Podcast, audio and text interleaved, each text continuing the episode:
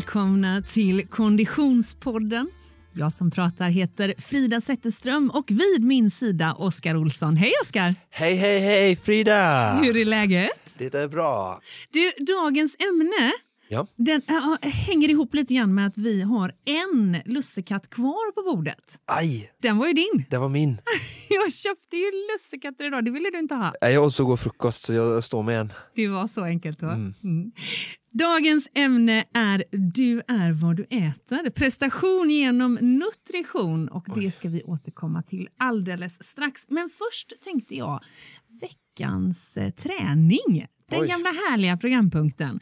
Också med underrubrik eh, väldigt generöst av vår producent Niklas eller veckans bortförklaring. Just det. Men om vi håller oss vid veckans träning och tittar på hur den såg ut för Oskar Olsson. Ja, eh, 14 träningspass, 19 timmar effektiv träningstid. 14 träningspass, 19 timmar. Ja, Det är sju dagar. det är sju dagar. My God. Att du orkar. Nej, jag fattar inte. Det är ju så kul. Okej, men hur ser den träningsveckan ut i november då? Vad har du fokuserat på? Ah, det är ju det som jag har eh, föreläst, eller på att säga, men det som jag har... eh, ehm, vad heter det? Det är det du proklamerar. Ja, i podden. Det vill säga, du är i Basträning. eh, basträning mellansäsong Grundträning. eller Ja, grundträning. Ja, ja, mm. Och då är det Fokus på distans och styrka. fokus på distans och styrka. Mycket Mm. löpning. Fyra pass. Ja. Två styrkepass. Mm. Eh, och så var det väl fem simpass och så resten cykling. De här styrkepassen, Nej, ett skidåkning var det också. ett skidåkning också. Okej. Rullskidor då förutsätter jag. Nå, Nej. thorax, stakmaskin. Jaha, så var det. Mhm, Mm. mhm. Där kom du inte långt. Du. Nej, det kommer inte så långt. Men eh, om vi tittar på styrkepassen, Mm. var gjorde du dem någonstans och vad gick de ut på? Jag gjorde dem på konditionscentret, O23. Mm. Och eh, det ena var eh, plyometrisk hoppträning och det andra var tung styrketräning för benen med tunga vikter och få repetitioner. Okej. Okej. Vilket av dessa träningspass var roligast? Ah. Ja, men jag gillar att hoppa. Jag är barnslig. Du gillar att hoppa. Det Ja. var alltså ett eh, eh, tungt styrketräningspass Ja, men var Ja. hoppa mycket. som du kombinerade med något annat den dagen. Mm, ja, jag sprang. Jag brukar simma, men jag sprang en timme och 15 minuter på morgonen. Mm. Och sen hoppade du ett söms. Jag hoppade lite sömn på kvällen.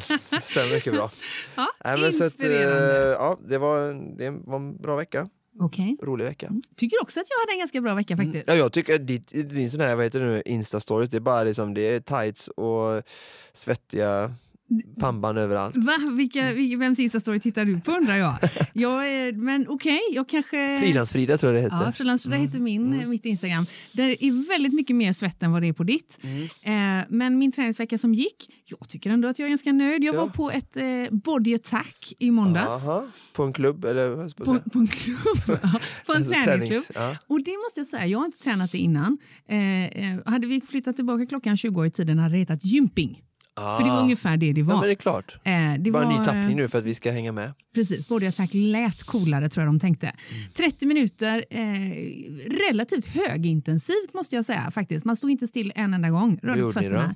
Eh, ja, men alltså, eh, tänk eh, springa på stället, eh, jumping jacks, Ja. eh, burpees, Ja. eh, mycket så. Bra, lite Mycket hopp. lounge och så. Lunches. Ja. Körde vi i 30 minuter. Där hade jag med mig min 13-åriga son. Ah. Han var den enda 13-åriga pojken på det passet kan jag säga. Jag var alltid med min mamma, hon var fritidssysselsättningsinstruktör när jag var liten. Ja. Och jag var alltid med på de passen med tanterna, höll på att säga, men äldre kvinnor. Ja. Och det var ju sjukt kul tyckte jag. Mm. Jag, eh, jag hör inte honom säga att det är sjukt kul, men kanske när han är 33 och väldigt Men jag, jag har inte kommit i min tonåring då, så det är inte kanske lika... Nej, men han, och jag måste säga att jag var väldigt eh, imponerad, för trots att det, jag är ju eh, gammal gymnast och dansare, så att jag försöker ofta söka mig till lite mer eh, koordinationsinriktade pass, för att jag tycker det är roligt att utmana koordinationen. Och väldigt viktigt också när man blir äldre. Just precis. Eh, det, det här var inte utmanande för koordinationen Okej. överhuvudtaget. För min del, för honom dock, en 13-årig pojke, så måste jag säga att eh, lyfta höger arm och vänster ben samtidigt kan ju för vissa vara en utmaning. Han hängde med fantastiskt bra. Så det körde jag Ja. en av dagarna. Eh, onsdagen var jag sen tillbaka på gymmet och skulle köra ett sånt här eh, Pilatesboll-inspirerat eh, eh, pass av Ida Olsson som Aha. gästade oss här i Mm. podden för några Mhm. avsnitt sen. Jösses vad det är svårt! Mm. Bland annat en övning där man skulle ligga på en bänk med, med armarna och så benen ut på pilatesbollen. Om du Ja, tänker dig, alltså, ja. som, eh, ligga som i plankan kan man Ja. tänka nästan. Det är väldigt svårt att hålla balansen med, med benen på pilatesbollen och sen lyfta benen en och en. Oj. Och jag är ju ändå Stark. rätt så både stark och har lite balans. Det där var inte busenkelt. Nej. Väldigt spännande och eh, jag eh, gav mig i kast med att, eh, bålstyrka helt enkelt. Ja. På onsdagen. Och sen på fredagen så sprang jag fem kilometer. Bra! Får jag, får jag godkänt? Jättebra. Tack så mycket.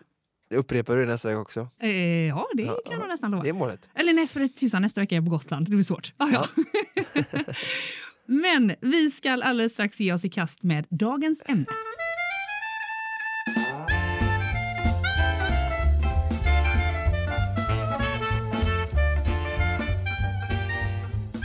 Är så glada att presentera Konditionspodden i samarbete med vår poddpartner Storytel. Och just nu kan du som lyssnar faktiskt få ta del av fler än 120 000 titlar, eh, ljudböcker och e-böcker. Och du får ett specialerbjudande av oss, Oskar. Ja. Man skriver in storytel.se konditionspodden så får man lyssna fritt i 30 dagar. Hinner, massa, hinner man 30 böcker ju. Ja, just det. Om Om man- man, kör en om dagen. Ja. Du, har du något lyssnartips eller? Jo, men jag har ju det. Ehm, Jag ehm, kom att tänka på en intressant bok som heter Sanningen om mat och hälsa som är ganska passande till dagens ämne tycker jag. Mhm, Ehm, Den är av Måns Rosén. Han är eh, professor vid Karolinska institutet. just det. Och eh, jag tycker den är jätteintressant för att eh, i och med sociala medier och eh, all den här typen av spridning och dieter och vad folk säger och sådär. Så den här boken riktar in sig ganska mycket på faktabaserad vägledning i, i vad ska jag säga, det här bruset av alla dieter. Och eh, också hur forskarna går till, vi, går till väga när de ska hitta svar i den här Mm. djungeln. Så att, eh, intressant eh, bok om mat och hälsa som är väldigt forskningsbaserad. Eh, så att den kan jag starkt rekommendera om man vill ha lite bra tips. Mm, och vad är kontentan då? Det är... Ja, det får ju den som lyssnar höra. Men, eh, nej, men det ger jättebra insikt. Att det reder ut lite med de olika dieterna, eh, vad som är sant och inte och sådär. Så att, Mm. eh, ur ett forskningsperspektiv. Då. Så att, Jag tror faktiskt att jag har haft förmånen att intervjua honom eh, på Bokmässan för många, många år Måns? sedan. Mm, Ja. mm. Eh, slår ju lite hål på de här eh, eh, hysteriska dieterna. Mm. Han har varit eh, ansvarig för mycket för de här folkhälsorapporterna och eh, det tycker jag är väldigt intressant just för att hur, hur, liksom här, eh, ja, hur vi äter och hur det påverkar våra livsstilsrelaterade sjukdomar och sådär eh, som jag tycker är helt... Så att, Titeln igen var alltså Sanningen om mat och hälsa med Ja. Måns mycket bra boktips.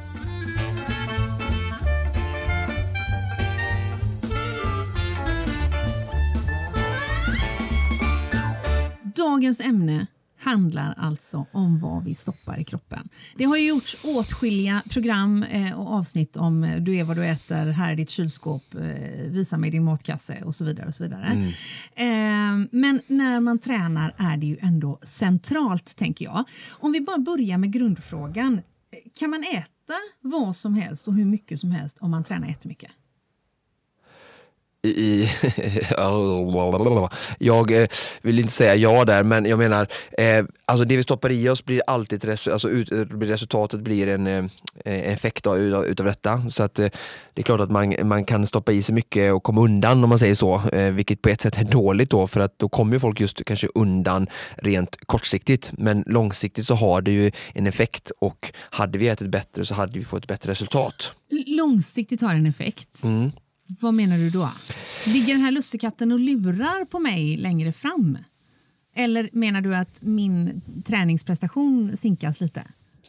Ja, absolut. Det är klart att eh, beroende lite på vad det är, vi, vi får nog nästan gå in och lite mer specifikt vad du menar med vad som helst. För att, Okej. Säg att man eh, eh, är en Konditionspodden-lyssnare. Man eh, tränar relativt mycket. Man kanske siktar på en svensk klassiker i vår.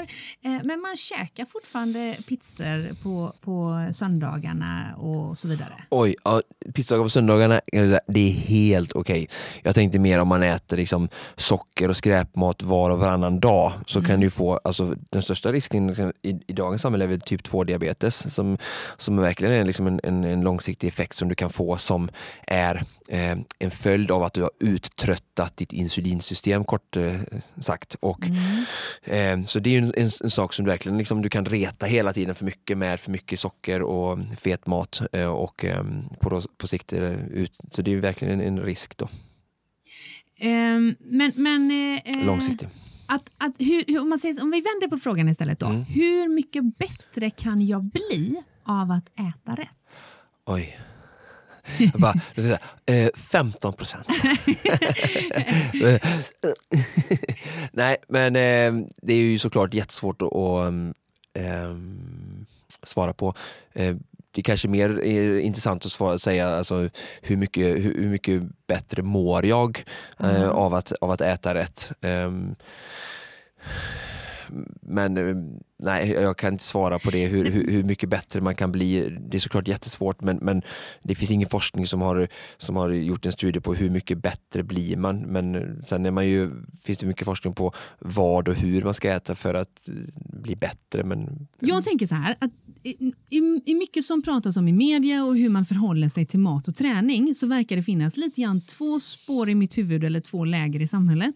Att man pratar om saker som ska undvikas eh, eh, för att liksom kunna träna bättre och så. Då kan det vara att man undviker fett, att man undviker socker eller att man undviker ditten och datten. Mm. Det andra spåret som jag ser är lite grann att man ska tillföra saker när man tränar. Man ska mm. tillföra eh, protein eller man ska tillföra olika tillskott. Mm. Naturligtvis i den bästa av världar så möts ju de här två spåren inte bara i mitt huvud utan också i träningsvärlden. Ja. Men hur ser du på mat och träning generellt? Jo, eh, jag tycker det är jätteintressant det du säger med förhållningssätt och det har blivit eh, eh, det som du säger, förbudna och eh, kosttillskotten har nästan blivit, alltså de driver varandra mm. fast på ett negativt sätt. Alltså att vi, vi avstår massor av saker som vi kanske inte behöver och så istället för att ta genvägar och, och som tillföra det. Och exempel på det skulle kunna vara till exempel eh, proteinpulver, alltså att vi, vi, vi äter mindre eller jag ser folk plocka bort saker från tallriken på lunchrestauranger och sådär för att det här, det här är inte nyttigt, det här är inte nyttigt. Så, och så äter man andra liksom, dyra mm. eh, tillskott, tillskott, på olika sätt. Då. Mm. Um, så det tycker jag det är jättekonstigt, vi har tappat oss där eh, någonstans och eh, det, det, är ju lite också att eh, vi någonstans har ju sagt till tillverkarna vad vi vill, ha genom att vi konsumerar det mm. i affären mm. och då det de ser att vi tar mest av eh, ökar de ju. Eh, det finns ju, och en liten intressant grej till exempel hur de justerar saker, hur de, alltså maltodextrin är en, har typ, är inte socker, Nej. men så har de, det är typ på exempel de har tillsatt för att kunna skriva utan tillsatt socker Exakt. på en för, förpackning men som har ungefär samma liksom, effekt i kroppen. Alltså med hela sådana saker så måste vi förstå att vårt köpbeteende är det som liksom, eh, bidrar till vad som finns i affärerna och eh, vi har gått mer och mer ifrån alltså riktig lagad mat till eh, liksom andra snabba lösningar. Eh, vilket då i sin tur då gör att vi behöver kanske till och med ibland, fast vi egentligen inte borde, ha tillskott och sånt. Då. Så det är väldigt, liksom, det, det är väldigt dåligt eh, nytt förhållningssätt till mat generellt tycker jag, där vi har, för, vi har gått ifrån eh, det här med att laga våra mat själva och äta bara vanligt, alltså laga kött och mm. potatis mm. eller fisk och ris. Alltså, och, så gör, och så gör en sallad till. Alltså, vad är det som är så svårt med det? Mm. Ja, kan man det, även tiden... ha gräddsåsen till om man tränar riktigt mycket? Absolut. Det enda vi kan säga som jag sagt förut om är att för mycket fett direkt i återhämtningssyfte är, är, inte jättebra. Så man tar jättemycket fet mat direkt efter träning men fett i sig är, ehm, är jättebra. Okej, okay, men det var ju ett väldigt konkret tips som du just kom mm, med. Mm. Efter träning i återhämtningsfas ja. Eh, ska, så fokus egentligen ska ligga på kolhydrater och proteinkällor direkt efter eh, träning. Då. Mm. Eh, kolhydrater och proteiner eh, direkt efter träning snarare mm. än fett. Ja. På mitt gym i Kungälv så satt det väldigt länge en poster på toaletten där det stod “Bananas are for monkeys”. Det var mm. reklam för eh, eh något eh, ah, sötsliskig energidryck. Ah. Eh, tveksam eh, kommunikation kan jag tycka. Verkligen. Um, och det, är, alltså, det är också, nu, nu hoppar vi lite här, men det är också, alltså, vi måste förstå det någonstans att all den här reklamen som vi någonstans köper som inte, forskning citationstecken är ju bara tyvärr ett sätt för dem att eh, sälja sina saker, precis som mm. vilken bransch som helst. Så att man, så. Så att, eh, men det är klart, det är lite missvisande för de menar ju såklart att en, en banan i återhämtning är alltså inte tillräcklig, mm. men eh, det är våran dryck och på, på visst sätt så är, är det ju rätt det de säger. Mm. Men egentligen så är det ju så att ja, för 97 procent av Sveriges befolkning så ska ingen köpa någonting på gymmet utan ska åka hem och sätta sig vid matbordet och äta sin middag med sin familj. Mm. Mm. Um, så. Och, och, det jag sa med fett är också ganska intressant, är att alltså, kolhydrater är extremt viktigt i, i, i själva återhämtningsfasen um, direkt efter uh, träning. Uh, men det, här, det går inte så bra hand i hand med LCHF. Ehm, om man går hem på kvällen och äter en LCHF-middag eh, till exempel, Nej. så är man ju inte direkt så boostar man ju inte direkt återhämtningen. LCHF är ju ett begrepp som vi hörde eh, extremt mycket om för ett antal år sedan. Mm. Skulle du säga att det fortfarande är lika starkt? Eh, eh möter du ofta klienter som håller på med alltså ja, om, du förklarar LCHF. Ja. LCHF är alltså low carb high fat. Mm. Um, så man äter mycket livsmedel um, som har, ja, man, äter mycket protein och fettkällor och, minimerar kolhydratkällorna kort och gott. Uh, sen finns det såklart massa olika tolkningar eftersom det här är något som härstammar ganska mycket från popularitet uh, mm tyckande så, så um, finns det säkert mycket olika twister så jag ska inte säga exakt vad det är men, men det är grundprincipen. Var, ja, men visst var det superpoppis för några säsonger sedan eller några ja, eh, ja, år tillbaka. Ser du det lika mycket idag? Nej, det gör vi inte. Det är väl som mycket annat, alltså det är en liten typ av fluga. Men alltså, eh, delar av dieten och eh, olika här, utgreningar finns väl kvar och tankar och idéer. Um, återigen så, så är det, kanske vi ska säga det här i, i den här podden också, hur viktigt det är att, att skilja eh, på mat för någon som är fysiskt aktiv tre gånger 25-30 minuter i veckan kontra någon som tränar tre till fem ordentliga träningspass i veckan. Mm, mm. Um, och alltså LCHF, folk kanske motargumenterar, ja, men det funkar jättebra för mig. Och det funkar. Och så, ja, men alltså LCHF är som jag brukar säga är den bästa för den ger oss, eh, jag brukar kalla det för, alltså det ger oss riktlinjer och eh, som säger, disciplin. Mm. För det är någonting som är väldigt dåligt, dåligt av. Och vad menar jag då? Jo men eh, vi har väldigt svårt att sätta distinkta regler. Så här, men lördagsgodis funkar för våra barn men funkar inte så bra för vuxna. För vuxna mm. kan ju liksom unna sig lite vad som helst när som helst känns det som. Och då har LCHF funkat väldigt bra som att ge dem riktlinjer. Att och jag får inte äta detta, inte för detta. Då, då är det så svårt, då, då är det så lätt att välja bort ja, sådana här sockerfällor som eh, sötade yoghurtar, eh, dåliga såser, eh, gelé, lingon, mm. ketchup. Alltså, mycket sådana vanliga sockersaker som, som är alltså då, jag kallar dem för sockerfällor och energifällor för att de har de ger så lite mättnad men de ger väldigt högt kaloriinnehåll. Mm. Så det är väldigt lätt att få i sig för mycket av det vilket då i sin tur leder till liksom, ja, kontinuerlig viktuppgång och sådär. Men då, då när man äter LCHF, då blir det, då, eftersom det är kolhydratkälla, då är det som tydlig regel att det väljs mm. bort. Så det är mer det som gör att LCHF funkar, att det har gett människor... Men det är en medvetenhet egentligen? Ja, ja medvetenhet och en, precis, en, en disciplinhjälp att, att välja bort det så att man får mindre liksom, kalorier och, och ja. mindre av de här då, alltså, eh, kaloritjuvarna. Och, eh, så att hade de hade kunnat äta vad som helst egentligen som inte är LCHF och ändå gått ner i vikt om de bara hade haft disciplinen att äta mm. lite av allting. Men mm.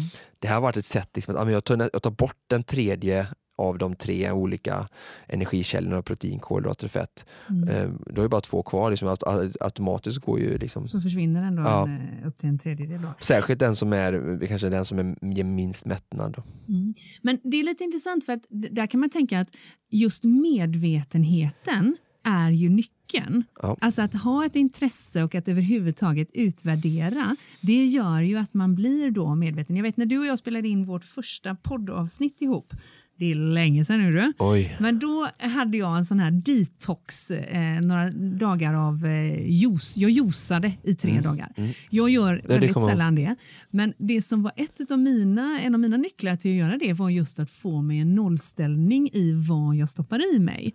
Att genom att då gå på fasta som det hette förr i tiden, nu säger man juica eller detoxa, så hamnar man i ett, en, en medvetenhet. Vad är det jag känner sug efter när? Ja, och varför är det jag egentligen stoppar i mig saker? Jag kan liksom, lite grann reflektera över att jag var allergisk mot mycket när jag var liten och är fortfarande väldigt allergisk mot eh, saker från havet och nötter, eller Mm. inte saker från havet. Här, eh, flytmadrasser går bra, men Mm. eh, däremot eh, skaldjur och fisk. Det gör att jag är väldigt medveten om vad som ligger på min tallrik alltid. För det blir så dålig stämning om man dör mitt vid matbordet. och det, genom det så har jag ju med mig en, en, en reflektion kring mat som jag tror har varit eh, positiv, även om det är sorgsamt att inte försöka räka.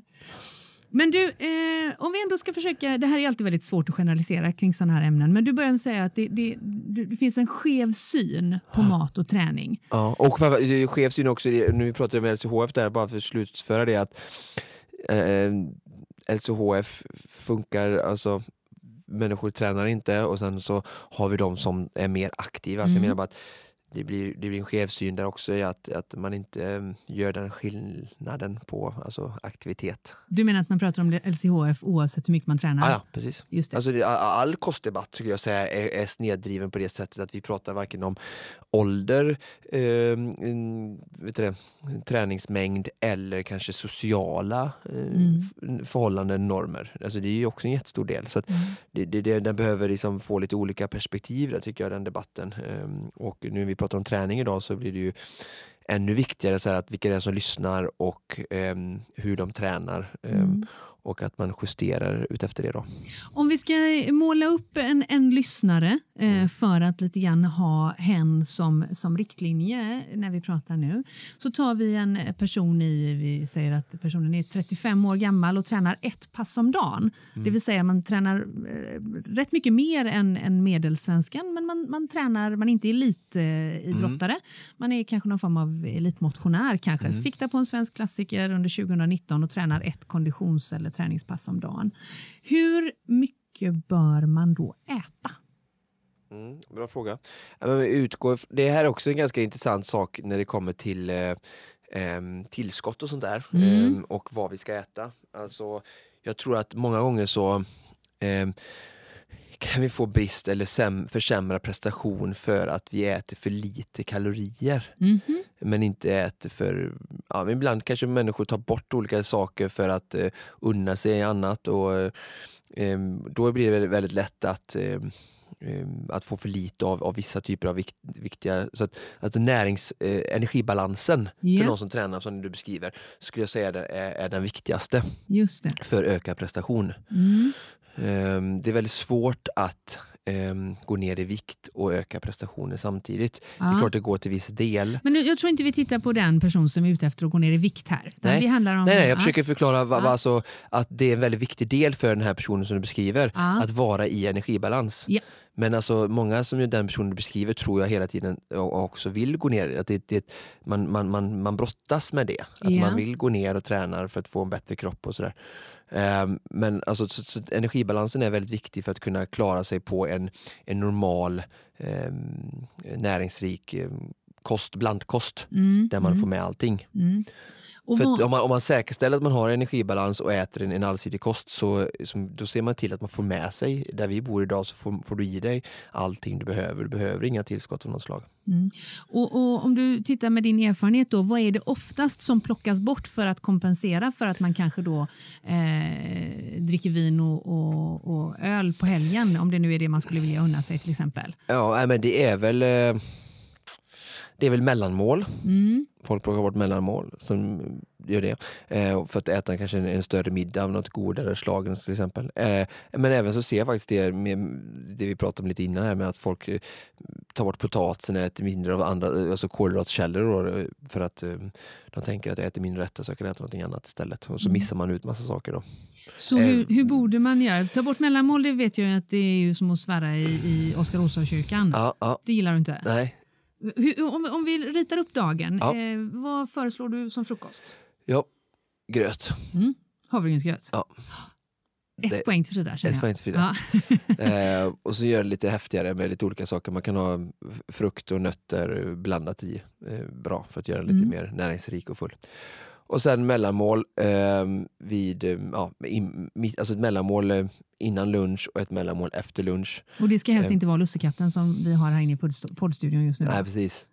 Ehm, Ett minus ett till Frida. Ja, Ja. precis. Alltså, eh, det är olika saker här. Jag, jag förstår ju också, jag vill också ha en, en mänsklig förståelse någonstans att, eh, att det ska vara saker som, som man kan ha tillgång till. Eh, Ja, men vad är bra mellanmål då? För många av våra lyssnare lever ju aktiva liv, inte bara i träningsvärlden utan Nej. kanske även i karriär och, Ja, men alltså, jag, jag, jag, jag, tyck, jag gör ju, tillverkar ju själv och jobbar med det med bars. Så att, att göra egna bars då Ja. eh, är ju en bra sak. Om man inte ehm, känner att man har tiden att göra egna bars, Ja, då kan man ju köpa bra bars. mm. och vad är det man letar efter då för att få bra bars? Ja, bars som är gjorda på frukt och nötter.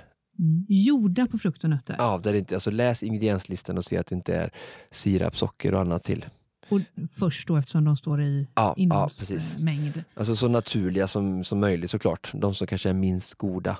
Jag vet inte. Det är inte alltid det stämmer såklart. Men jag menar, det finns ju väldigt mycket. Jag vill bara särskilja på nötter och fruktbars kontra de här konventionella. Liksom, Mm. eh, vi ska inte nämna, nämna några namn, men, men alltså, ja, precis. Som ser ut som typ en Snickers fast det, det är ju bars, Just träningsbars. Liksom. Ja. Men, mm, men sen så knäckebröd med olika pålägg, det är väl alltså, helt okej. Eh, bra Som knäckebröd. mellanmål. Ja. Mm. Mm. Eh, keso är ju en bra grej alltså med vassle, kasin, eh, jättebra från mejeriprodukter. Eh, och som sagt näve nötter och russin, man kan ju bara ta nötter och russin och blanda eh, Mm. i en påse, det är ju enkelt liksom. Det. Där frukt är vi- ju inte dåligt heller. Frukt är inte dåligt, nej. Nej. nej. det, är, det är skönt Det faktiskt. kan vara lite, om det är någon som tränar så mycket som du beskrev det så kanske det kan vara lite för lite. Just det. Sen är vi framme vid en lunch. Mm. Den ska helst vara lagad eller? Ja, ja. Mm. Um, det, det tycker jag är ganska eh, alltså, svensk eh, lunch eh, eh, filosofi, eller ska man säga, alltså rutin att vi går ut och äter ute. Alltså oftast är ju luncherna i Sverige faktiskt väldigt bra, alltså Mm. lagad ute. Så jag tror att det är absolut ett hållbart alternativ om man har en, en, det är en bra restaurang. Alltså, håller er borta såklart från, från liksom såna här eh, snabbmatslunchrestauranger men, men vanliga husmanskostrestauranger finns det ganska gott om i Sverige. Det är en ganska Mm. trevlig kultur om man jämför med Norge där man äter smörgås och macka med Mm. sig till, till lunch. Mm. Så det lagar mat där och, och återigen sallad, kolhydrat Mm. och sen en proteinkälla. Enkelt. Och sen eh, eh, slå klockan tre kanske? Ja, mellanmål igen. Och här tror jag så här, många går och tar en kaffe och ehm, ja, mm, struntar i mellanmålet och det resulterar också i eh, minskad eh, förbränning, metabolism, Mm. eh, sämre återhämtning, sämre träningspass på eftermiddagen eh, och en förhöjd eh, hunger på middagen. Eh, många av de företagen jag har jobbat med som har haft mellanmål eh, av mig eh, har, har själva eh, vittnat om hur de ätit mindre middag Mm. Ehm, tack vare att de åt det här mellanmålet då, som jag tillhandahöll. Um, så, att- så att verkligen mm, mellanmålet på eftermiddagen tror jag är extra viktigt. Ehm, För det är också ofta det som ligger strax före träning kan man tänka. ja, ja, ja. Eh, Sen, eh, precis, och då ska man säga, ja, vad ska det vara för någonting? Men det, det är samma sak där, samma typer av mellanmål. Eh, det viktigaste är att du får i dig någonting men gärna kolhydrater, protein och fett mm. I blandad kompott. Och såklart utan liksom, tillsatt socker. Då. Går det att sätta någon idealtid på när man bör äta sin middag? Sitt eh, största mål på det, dagen? det är ganska spännande. Men man brukar säga två till, jag ska inte säga, säga tre, men två till tre timmar innan man ska sova. Just det. Så ska du sova vid 22.30 som vi pratar om så någonstans mellan halv åtta och åtta senast skulle jag rekommendera. Och sova 22.30 var för att då har man högst eh, testosteronproduktion. Då. Precis. Eh, vad sa du nu då? då, då eh, två, två till Halv åtta, åtta. Halv Mm. åtta, åtta en, en middag. Det är ändå relativt sent tänker jag. Ja, men eh, jag tror att det är det Ska som man är hinna till realistiskt. springa tre mil innan så är det, Ja, det, är då det landar. Nej, men jag tror det är ganska realistiskt. Om folk tränar vid 5-6 så ska man Ja. eh, göra någonting och så laga mat så innan man sitter så. Men det är klart, äta någonstans mellan 7-8 Ja. och sen lägga sig Mm. vid 22.30 kanske då. Mm. Om vi ska prata om tajmingen. Just det. Mm. Och då Och då, då behövs det ju som sagt ingen sötad proteindryck eh, på vägen hem från träningen om du äter när du kommer hem. Hur nära in på träning ska man äta? Mm, jätteintressant också. Eh, för, både för, för återhämtningsperspektiv då, som man pratar mycket om aminosyror och sådär och att eh, det har forskas mycket om det faktiskt och det har varit mycket prat om det att det ska vara direkt efteråt så här, och det, mm. det är bra att det fylls på efteråt men har du en god eh, påfyllnad innan träning så um, har du alltså, att det finns tillgängligt i blodet och cellerna så um, är det också fullgott. Så det, det, det, man säger, alltså det, då kommer vi in på det igen, liksom, att om man äter de här fem sex gångerna som vi har beskrivit nu så, så har du hela tiden aminosyror, protein tillgängligt i kroppen eh, som hjälper dig både under träning och eh, återhämtning.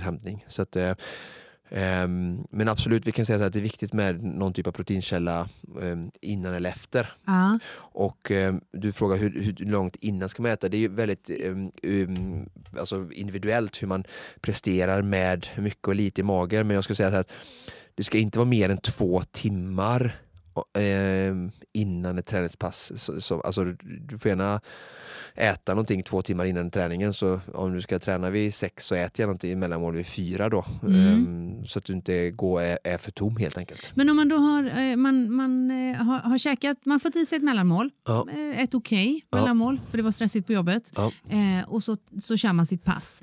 hur, alltså under en period då så upplevde jag att alla instruktörer eh, som jag tränade gruppträningspass för avslutade med att säga inom 30 minuter vill jag att du fyller på med energi. Det var ju någon trend att man skulle äta så nära inpå. Ja. Eh, hur viktigt, eh, förutsatt då att du inte har käkat en stor proteinrik eh, påfyllnad innan.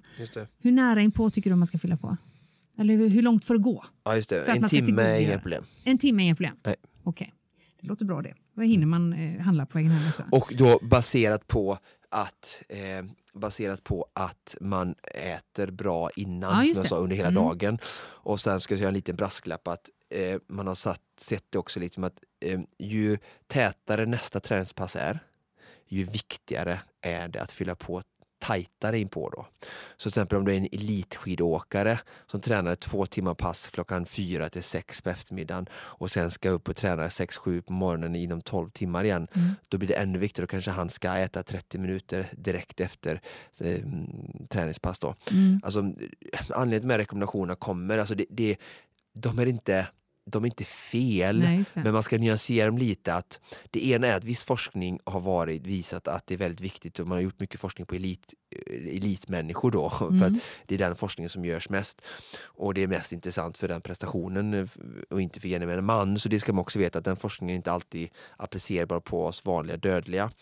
Um, och sen uh, också att um, jag tror att det också är att vi kanske ibland så här, tränar och så går det över en timme, så kanske går två timmar, eller mm, liksom ännu mm. då blir det helt plötsligt mycket viktigare med återhämtningsdrycken. Liksom. Så då kan man ju ta den, då kanske man tar den för rädslan för att det ska ta Men vet man om, om man har planerat, vilket är det bästa, att efter träningen har jag ingenting jag ska göra utan jag gjorde det innan träningen, jag åker hem, ska laga mat, så äter min mat. Mm, mm. Då, då, då, är det liksom är det, det, är det bästa. Det bästa. För att, jag, ofta så är det så också att eh, den här extra drinken då, den blir ju ett eh, ett, ett, liksom 250 kalorier bara utöver mm. eh, den andra maten. Du justerar inte ner kanske middagen. Nu. Det låter ju tämligen korkat i och ja, sig. Ja. Ja. Eh, vi har fått en lyssnarfråga som är långt ifrån korkad utan väldigt relevant. Vi får ju en hel del lyssnarreaktioner och det gillar vi. Eh, de kommer på Instagram och på Facebook primärt. Eh, och det här är en lyssnarfråga som lyder rubriken Träna på tom mage? Frågetecken. Eh, jag har hört att det ska vara bra att träna långpass utan att ha fyllt på med kolhydrater innan och att bara dricka vatten under passet. Själv tycker jag att det är nästintill omöjligt att genomföra ett långpass på två till tre timmar utan mat i magen. Är det verkligen så bra som de säger? Mm. Jättebra. Eh, train low, compete high eh, finns det som heter, eh, som har gjorts en del forskning på. Um, och man har sett vissa positiva effekter för att öka fettmetabolismen. Um, jag är en förespråkare för viss del sån träning. Mm. Eh, lågintensiv träning innan med, med låga glykogennivåer för att eh träna. Jag, jag. Och låga glykogennivåer ja, lite uppnår man då precis. genom att ä, träna på tom mage? Ja, precis. Mm. Men det finns inte jätte inte mycket forskningsstöd för detta än. Mm. Eh, till exempel ett, det finns ett cykelstall som heter Sky som har tränat och testat mycket av det här och, och fått eh, positiva effekter och sådär. Så det pågår väldigt mycket inom detta ämnet. Eh, och det är spännande men det finns liksom inga sådär jättestora vinster eh, som man kan liksom påtala för gemene man som skulle vara vinster att bara, gör detta nu eh, för att det är så jättehög effekt på något sätt. Men du sa eh, train low to compete high. Ja. Du skulle alltså ha en annorlunda tävlings... Ja, det bygger lite på att, att man äh, tränar med låga och sen så när du tillför energi så får du liksom... blir En boost. Ja, en boost, ja precis. Ah, det är det man skulle vilja uppnå. Ja, det här, I det här fallet så är det nog mer att öka kroppens förmåga att bränna fett Mm. ehm, under fysisk aktivitet Mm. och att kunna höja, alltså kunna använda det som energisubstrat längre under en tävling än att spara på kolhydraterna på det sättet då. För det, det det cirkulerar som bygger ju eh, kunskap kring att man måste träna kroppen i att göra just det. Ja, ja. Att man måste utsätta kroppen för det Ja. för, att, det- för att den förbränningen ska starta. Typ. Absolut, ja, men det är jätteintressant eh, tycker jag det som kommer nu och det, det, det blir mer och mer att man, att man kan ha, lägga in sådana träningspass. Men eh, alltså vill man testa detta så tycker jag man kan göra det men, men under ordnade former och eh, det beror helt och hållet på liksom hur van den här eh, atleten är. Eh, jag tror inte ingenting som gemene man ska liksom applicera eh, hur som helst och som de får jättestora effekter utan för dem är det viktigaste att de har energi och orkar fullfölja hela passet. Mm. Eh, om man säger så. Va? Det blir mycket lättare för en väldigt vältränad individ som tränar 10-20 timmar i veckan som, som har redan har väldigt effektiva system och är väldigt van. Mm. Eh, För människor som tränar 4-5 pass i- Mm. timmar i veckan så tror jag inte att Det kommer få den... den samma effekten är och de har, de har helt andra vinster att göra just nu då Ja. innan de kommer dit. Om vi tittar på ett, eh, ett annat scenario eh, och vi tänker att vi är ute efter maximal effekt, att maten ska eh, generera positiva effekter i träningen. Och vi ser alternativet att man äter ordentligt innan träning, alternativt att man äter ordentligt efter träning. Ja. Vilket skulle du säga att du föredrar? Innan. Äter ordentligt innan. Ja. Mm. För att då får du, alltså om du äter, om du äter bra innan så har du eh, bra nivåer för att fullfölja passet bra och du har även eh, eh, både protein och kolhydrater i blodet som, som är med när liksom återhämtningen börjar som startar direkt efter avslutat pass. Så att det är lite pest eller kolera för det är klart att det är viktigt Mm. att äta också. Men, jag, Men vi det, lever i pest eller kolera, ja, Oskar. ja. Och då, då, då är det det jag skulle välja. Mm. Eh, jag noterade när du gick igenom dagen att eh, om man nu äter middagen där eh, vid sju, halv åtta, åtta så ligger det då inget kvällsmål innan man lägger sig. Nej, inte om man har ätit bra innan. Sådär. Det här var ju också något som cirkulerade väldigt mycket, kanske mer för ett eh, antal år sedan tillbaka, att man inte skulle äta. Då fanns det någon regel som sa att man ska inte äta efter klockan sex till exempel. Nej. Så, Eh. så, så, visst, det, men jag säger två, två timmar innan du ska sova så tycker jag inte du ska äta. Ehm, och eh, av flera anledningar, men det, är, det ena då om vi ska kolla till, till vikt till exempel är ju att eh, för det första så skickar du massa blod ner i matsäcken och som, alltså eh, återhämtningen eh, och själva nedtrappningen in i sömnlivet går ju blir störd. Mm. Eh, och samma sak att du, din förbränning går ner automatiskt med din biologiska klocka på kvällen. Så att du bränner mindre energi på kvällen och natten Mm. givet. Eh, och äter du precis då så, så är det lättare att lagra in det eftersom förbränningen är mindre. Mm. Så då är det lättare liksom, att man håller på så med sånt beteende att man äter mycket sent på kvällarna innan man ska lägga sig, att man går upp i vikt. Mm. Tror du att vi i eh, samhället eh, 2018 är förrädda för hungerkänslor? Ja, verkligen. Och jag tror att vi, jag tror att det är lite som eh, många andra saker som vi är beroende av. Alltså det, det är dåliga vanor. Alltså att man, det är väldigt lätt att vänja sig vid någonting. Mm. Så att eh, både vanor och eh, ja, egentligen ett sockersug då, Mm. eh, är, eh, är boven till mycket sånt. Ja, nu har vi fått mycket information om hur man kan äta när man tränar. Ett helt annat scenario är ju det man ofta tränar inför, alltså tävling och hur man förhåller sig till mat där och då. Kan man, kan man träna på att äta eh, under tävling? Absolut. Alltså jag tror att det är väldigt viktigt att inför olika typer av tävlingar som vi ska genomföra att eh, träna på just tävla och då också ha med kostbiten. Eh, det, vi har pratat om det förut i programmet, att testa utrustning och sådär så man inte står första gången på någon typ av lopp. Eh, men även då att man har testat det man ska stoppa i sig och under liksom, om du ska springa ett maraton till exempel, att du kanske har sprungit i, i tre timmar och tillfört eh, eh tillräcklig energi någonstans mellan 350 och 400 kalorier i timmen kontinuerligt på ett bra sätt. Så att du får träna på det. Och eh, det är någonting som, ja, första gången på träning så kanske du, magen säckar ihop. Mm, eh, så du får göra det om och om igen. För att det är inte helt lätt att vara i rörelse, ha en puls på 80-85% av max och samtidigt ha en, en mage som, som, som fungerar. Så det är väldigt individuellt men absolut någonting som alla borde träna på ofta. Mm, jag känner att det där får nästan vara ett helt eget poddavsnitt. Oh, men det, alltså, att äta under tävling är verkligen ett jätteintressant ämne och eh, det ska man kunna fylla mycket med. Mm, ju närmare tävlingssäsong vi kommer så får vi utlova att eh, podda kring detta också. Det hoppas jag. Tack för idag Oskar. Tack Frida. Konditionspodden presenteras precis som vanligt utav Fredag. Connecting brands with people.